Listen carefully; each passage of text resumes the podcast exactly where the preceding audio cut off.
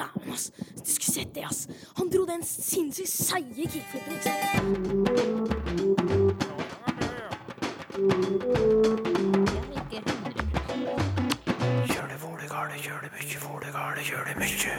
Det florerer av skjellsord i språket vårt, og kroppen er et ynda utgangspunkt. Det utgjør jo en veldig stor del av skjellsordrepertoaret. Og kreativiteten setter få grenser. Klasjetryne.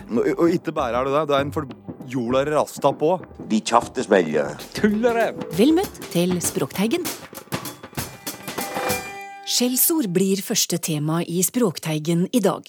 De siste uken har vi sammen med språkforsker Tor Erik Gjenstad slått et slag for denne kreative delen av språket, som har vært med oss til alle tider. Ja, det tror jeg har øh, vært med oss så, så lenge som det har eksistert menneskelig språk. Eh, Så det blir laga nye til, til alle tider. Og dermed å karakterisere sine medmennesker, det, det tror jeg er et øh, ganske grunnleggende behov, ja.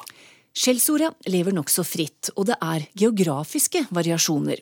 Fra det frimodige nord og kom rekende med det her som en jodfettergnadd av første klasse.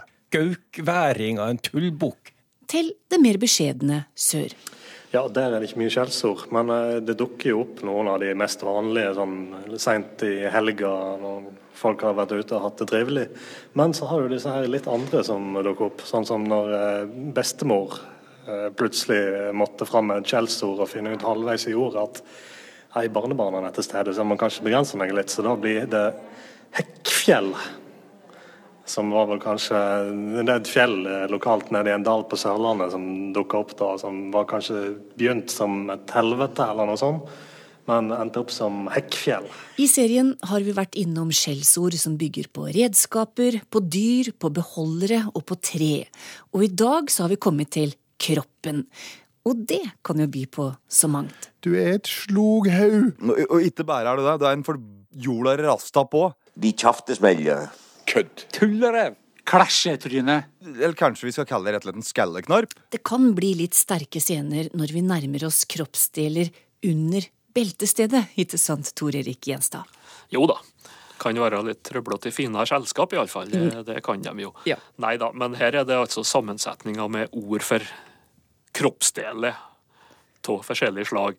Og det utgjør jo en veldig stor del av skjellsordrepertoaret. Og for å snakke litt fint, altså her er det en litt annen idé eh, som ligger bak. Det er en retorisk figur som heter for pars pro toto. Altså delen får stå for helheten. Så den enkelte kroppsdelen eh, får eh, stå for hele personen. Og så kan du fylle på med et første ledd da, som eh, presiserer litt mer hva slags egenskaper det er tale om. Så det er egentlig bare å starte på toppen og arbeide seg nedover her, ja. Slik at folk er advart at her kan vi bevege oss inn i straffefeltet, så å si. Ja. og Nei, vi starter med hodet, da. Ja. Det oppfattes jo som sete for åndsevnene våre, ikke sant? Og da ligger det jo ned å å la hodet få karakterisere hele personen. Uh, og da er det jo gjerne at det er mangel på åndsevne som kommer til uttrykk, og du har jo ord som kjøtthue og kålhue som er allmenn sleng, da. Ja.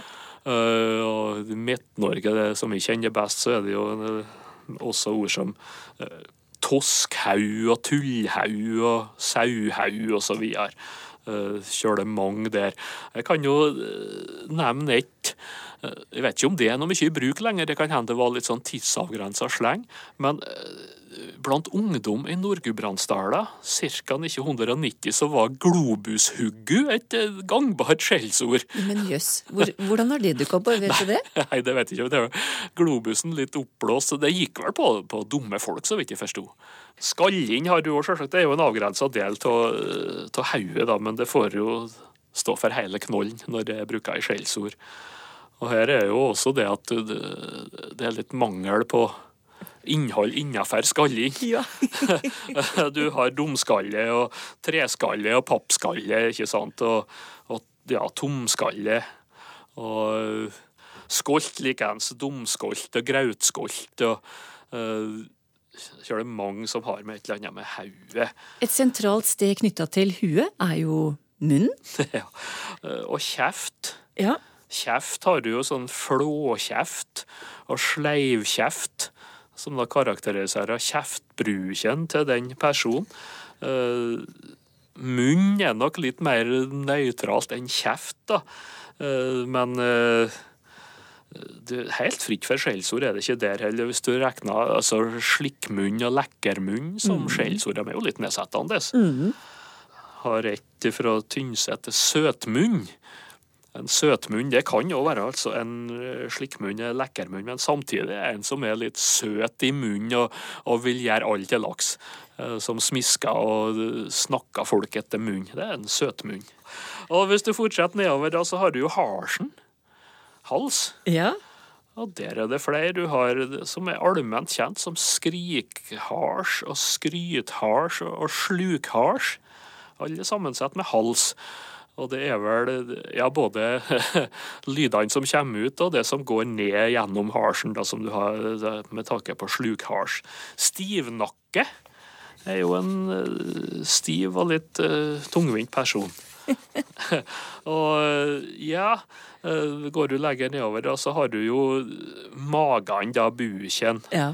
Og der har du jo vom, som et litt mer respektløst navn på den kroppsdelen. Og da er det jo naturlig med et skjellsord på korpulente personer, som da istervom, eller digervom, eller gorvom Og ølvom. Eh, Det kan jo være både altså resultatet av overdrevet øldrikking, men også om eh, personen som har fått en slik vom. Da blir kalla for ei ølvom. Ja, og, og da er vi vel på vei inn i litt sånn farlig område, da. Ja. Uh, med de her altså, navnene på kjønnsorganer, Ja. som går inn i en masse skjellsord. Vi har jo nevnt uh, mus og høne, som uh, kan uh, ha dobbeltbetydning. Mm. Og så jeg vet ikke hvor mye detalj vi skal ga i, men hvis du blir ekstra sinna på et tøvete kvinnfolk, så kan du på Nordmøre finne på å kalle henne for ei tullfitt ja. eller ei tukkelfitt. Og det er jo litt respektløst da når de omtaler det er altså kvinneforening blir omdøpt til tukkelfettforening, ikke sant? Det er jo Finnes det? Er ja, det, det finnes som ord på Nordmøre, ja. Men det er jo mannssjåvinistisk, da. Eh, men det får jo sitt eh, menn òg, sjølsagt. Og det som eh, kanskje ikke er så farlig å snakke om, det er jo de her sammensetningene med peis. Og peisen her, det er nok ikke det inventaret som skaffer oss varme. Det er nok en annen form for peiskos, har jeg sagt. Eh, og det er jo mange hanndyr som går med peis. Eh, og hestpeis kan jo i seg sjøl fungere som et ganske slagkraftig skjellsord. Og du, fra allmennnorsken så kjenner vi ord som dovenpeis og vriompeis. Uh, fryktelig mange, særlig i trøndersk, da. Uh, sytpeis og tverrpeis. Tullpeis, vaspeis, farkpeis. Det, det, Grapeis trenger du ikke noen forklaring. Men det er uh, fryktelig mange av de der uh, med kjønnsorganer. Og også hvis du går på bakdelen på folk, så får du jo den der rauva eller ræva. Ja. Og da, da har du mange Du har godmatrauv, eksempel. Altså, glad i god mat. Latrauv. Ororau eller orosrauv om en urolig person. Fua er jo samme som rauva, da er det jo en annen, geografisk fordeling. Så da- får du eksempel ei tverrfu om en tverr og rang person. Hvor har du havna da, da? Da har jeg havna på Agder. Blant annet Kristiansand. Så har de det ordet tverrfu. Det er jo så kan du gå helt ned, videre nedover. eh, Røverlegg Ja. om en banditt, en rabagast. Det er jo et ord som i hvert fall mange trøndere vil kjenne til. Og med, med hæren, eller hæren, da, så er du kommet helt ned på bakkene. Og der finner du òg, du finner en tverr, tverrhæl og ranghæl. Så de er ofte litt uh, tverr og rang, da. Men det går helt ned til, til hælen, og, og til og med tåa finnes det eksempel på sammensetning som brukes som, som skjellsord. Og da har du på en måte brukt hele kroppen nå? Bruke hele kroppen, ta hele kroppen i bruk, nær sagt hver eneste muskel. Og her dukker dykker det opp nye ting stadig her òg? Ja, det, det gjør det nok. altså Sånne Sammensetninger med rev, det, det vil nok uh, dukke opp stadig nye. Uh, ganske ferske det er jo Det er mulig at den var litt sånn personlig, men jeg har altså hørt om en fotballtrener som, uh, som kunne omtale spillerne sine som Araldit Rev. Da er det lite bevegelig. Da er de limt fast, ja. ja, det er jo det. Så her blir det laga stadig nye som sikkert ikke har fanga opp langt ifra alt ut på folkedypet, så foregår det mange ting her. Mm. Og noen blir jo bare døgnfluer, mens andre glir inn i språket. Men veldig mange av dem er negative. Likevel så syns du at de er verdt å ta vare på? Ja. Nei, altså, det er jo ikke bra å drive og skjelle ut folk, men altså på på plusskontoen så syns jeg kanskje en kan føre at er, du er med og holder liv i gamle, tradisjonelle ord. Det sa språkforsker Tor Erik Gjenstad, som har loset oss gjennom denne serien om skjellsord. Jeg hører hele tida den merkelige uttalen database, men det heter vel database? Det her er bare ett av mange spørsmål Språkteigen har fått i det siste, og som er gjort ved at noen har lenka opp Språkteigen på Twitter når det har dukka opp språkspørsmål. Og vi har fått flere. Er simpelt det samme som enkelt nå? Unge og eldre ser ut til å bruke ordet forskjellig. Hei. Hvor kommer ordet entrert fra? Finner det ikke i ordboka, blir det da feil i norsk stil? Takk for alle gode spørsmål, og takk for tips om saker vi har fått som vi kan kikke på. Som for eksempel Hei, Språkteigen. Kan vi få et program om likheten mellom språket i Kumbria og norsk? Men vi tar gjerne imot flere tips og flere spørsmål, både via e-post teigen krøllalfa nrk.no, via NRK P2 sin Facebook-side, via Twitter, eller du kan rett og slett spandere ei krone og sende det på SMS med kodeord 'Teigen' til 1987. Hva skal vi kalle den som mottar besøk av en besøksvenn, spurte Ragnhild Margret Nordlund i Språkteigen for noen uker sia. Hun har vært besøksvenn i mange år, og nå er hun støttekontakt. Men hun har aldri funnet et passende ord for dem hun besøker eller er støttekontakt for. Og det var vår faste språkviter Toril Oppsal som fikk oppdraget med å hjelpe til å finne et passende ord. Ja, Ragnhild Nordlund har jo prøvd seg sjøl og, og, og prøvd, bedt om litt forslag ja. i Røde Kors-miljøet, men, men, det dukker ofte opp forslag som klient og pasient og alle de ordene som vi kommer på, de, de vitner om en, ja, et hierarki eller en ovenfra nedholdning og noe som ikke handler om en likeverdig relasjon.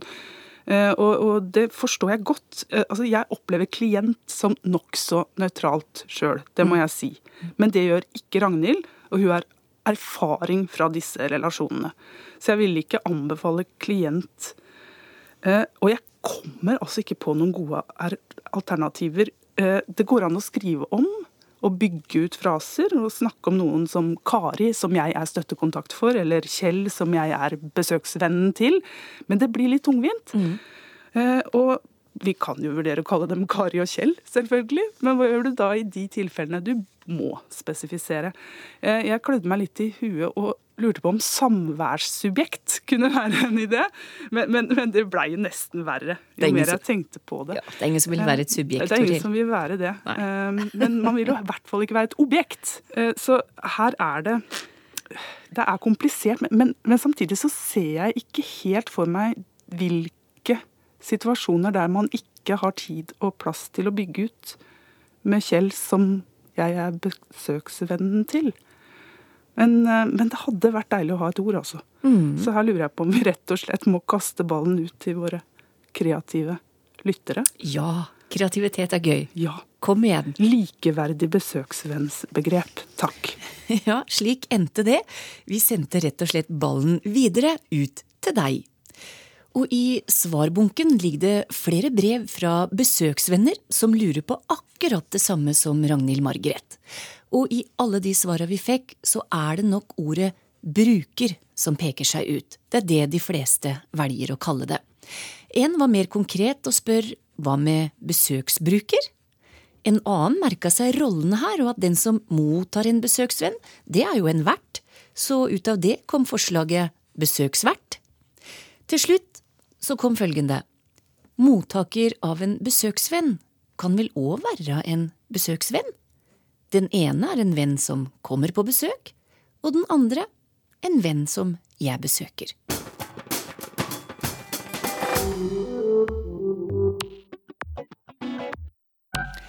En preposisjon er utgangspunktet for dagens første lytterspørsmål, nærmere bestemt a, altså den lille a-en med en skråstrek over, som i for eksempel Paracet-tabletter A 500 milligram.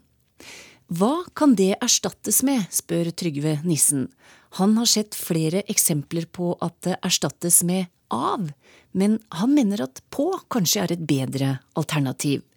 Hva sier du til det, Sylfest Lomheim? Ja, der må jeg si at jeg er veldig sammen med Trygve Nilsen, fordi at å erstatte Dette er jo en fransk preposisjon. To A tre dager og tabletter A 500 gram, som du var inne på, Tore. Mhm. Eh, Preposisjon, altså. Fransk preposisjon. Vi har lånt den til norsk. Vi har jo mye såkalla fine ord med pynter som er på norsk, som vi har fra fransk. Men å si at den kan kanskje erstattes med av, det blir feil. Det er på eller, for å ikke si til. Slik at når vi snakker om to av tre dager, så kan vi på godt norsk si to til tre dager. Og tabletter av 500 gram, da blir det tabletter ikke til, kanskje, men på 500 gram milligram. Men iallfall ikke av.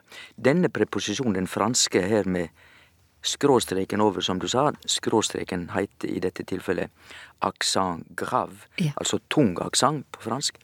Det er det samme som vi alle sammen kjenner til på latin. Ad, altså ad notam, det skal du ta til notering. Ad notam. Så, um, og dette har blitt til at på norsk, altså å komme bort åt meg, ikke sant, Torunn? Ja. Da kommer du bort til meg. Så den norske preposisjonen åt, som er mye brukt i nynorsk, det er den samme som det latinske ad, det samme ord, og også det samme som vi har lånt inn fra fransk a med aksent. Mm. Og det vanligste vil være å si til, men eventuelt også på. Hvorfor har vi endt opp med den derre franske ah i, i språket vårt? Ja, det er litt Ja, jeg kunne jo litt respektløst si at det er snobberi, eh, men det er jo slik at fransk opp gjennom mange, mange, mange hundre år, mye mer enn engelsk, opp gjennom hundre år, så har fransken vært prestisjespråket i Europa og eh, lånt masse ord til, til andre språk. Så når vi i våre dager låner så mye fra engelsk, så er det rett og slett et eh, helt nytt fenomen. Det er bare de siste hundre år det har vært slik. Mm. Derimot, i 600-700 år bakover i tid, opp gjennom hele tida, så har vi lånt fra fransk og tysk. Hva er korrekt bruk av ordet utfall? Mange data- og strømselskaper bruker ordet når signalet er borte, altså i betydningen bortfall. Disse ordene er vel ikke synonymer, spør Dagfinn Bjerkestrand. Nei, det er rett. De er ikke synonyme, og det er òg slik at eh, de vanlige ordbøkene våre om norsk språk, de eh, fører ikke opp at utfall kan brukes i tyinga når noe fell bort. Bortfall er et resultat av noe, eller at noe har fallet vekk.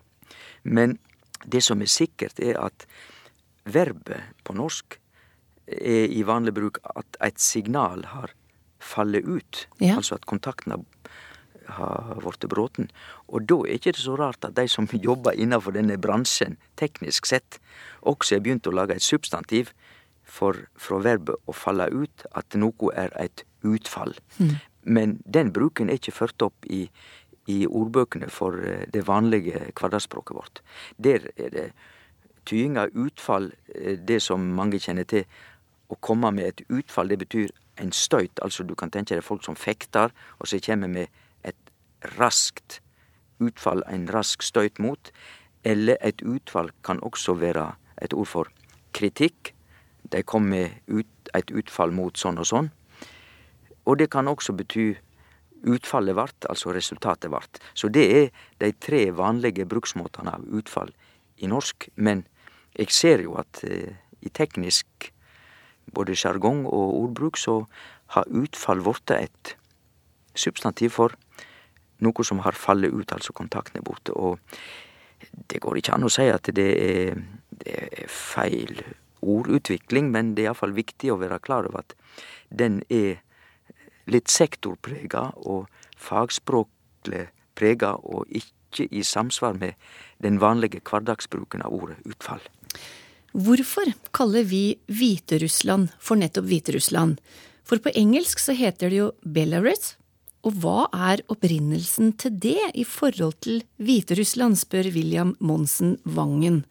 Og han spør jo etter hvert her om det er mange land i Europa som kaller det for Hviterussland. Det kan vi jo komme til etter hvert, uh, Sylfest. Ja, jeg har ikke eh, foretatt ei opptelling, men det vi kan slå fast, er at enkelte språk i Europa, slik som fransk og engelsk, bruker den russiske og hviterussiske eh, nemninga Belarus og på fransk Bielorussi. For dette tilsvarer egentlig det de sier både på russisk og på hviterussisk. Nå er ikke jeg russisk ekspert, men det er vel noe slik som Bielorussia eller et eller annet sånt. Mm -hmm. Uttalen derfor russiske ekspertene tar seg av. Ja. Og det som er hele poenget, er at denne, dette forleddet, bela eller bielo på fransk som det det går tilbake til det russiske og hviterussiske adjektivet, som tyr rett og slett hvit.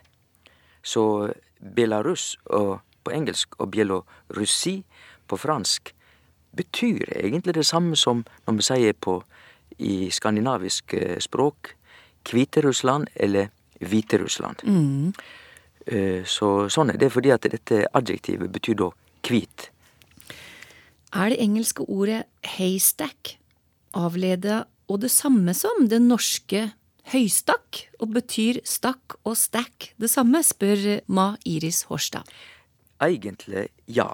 Det vil si, det retteste er nok å si at haystack på engelsk, som jo faktisk betyr høystakk, også på norsk, at eh, dette har felles opphav.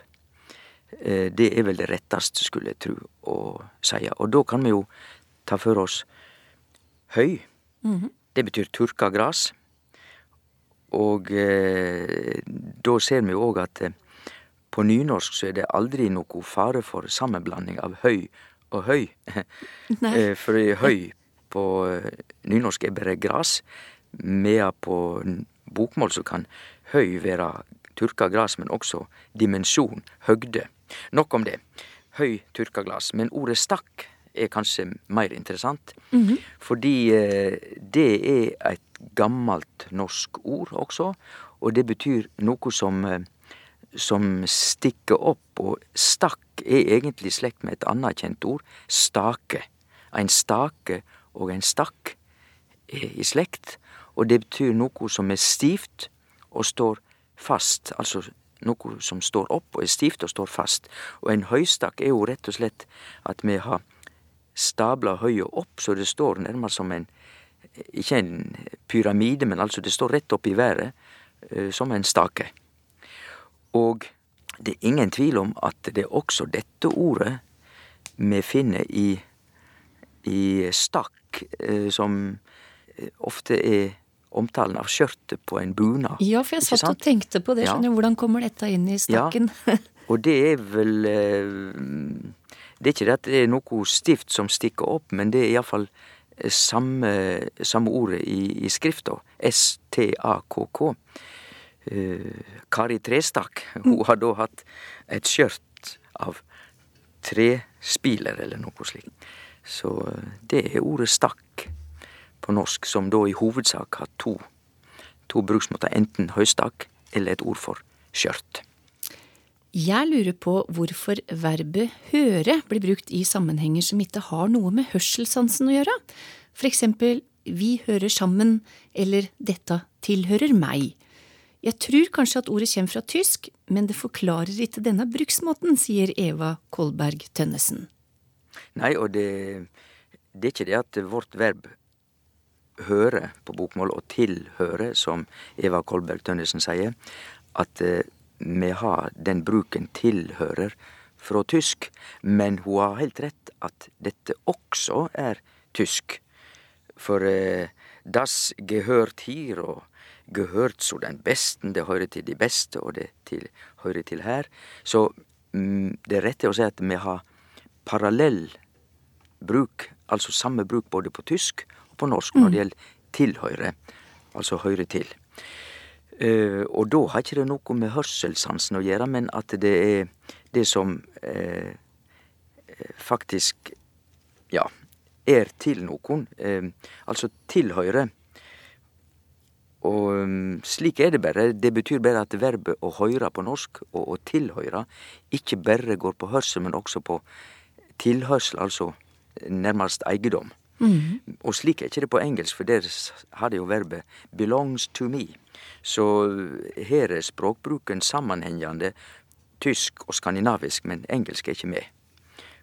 For de bruker ikke 'her' og 'høyre' på den måten. Nei. Men uh, dette er jo en gammel germansk måte å bruke å høre på. Høre til. Høre sammen. Det tilhører meg. Er det rett å kalle La Belle Époque forløperen til første verdenskrig, spør Mathias Austnes. Andre han prater med mener det blir feil, ettersom de da henger seg opp i ordet forløper. Ja, i alle fall eh, hvis han bruker eh, forløper til første verdenskrig.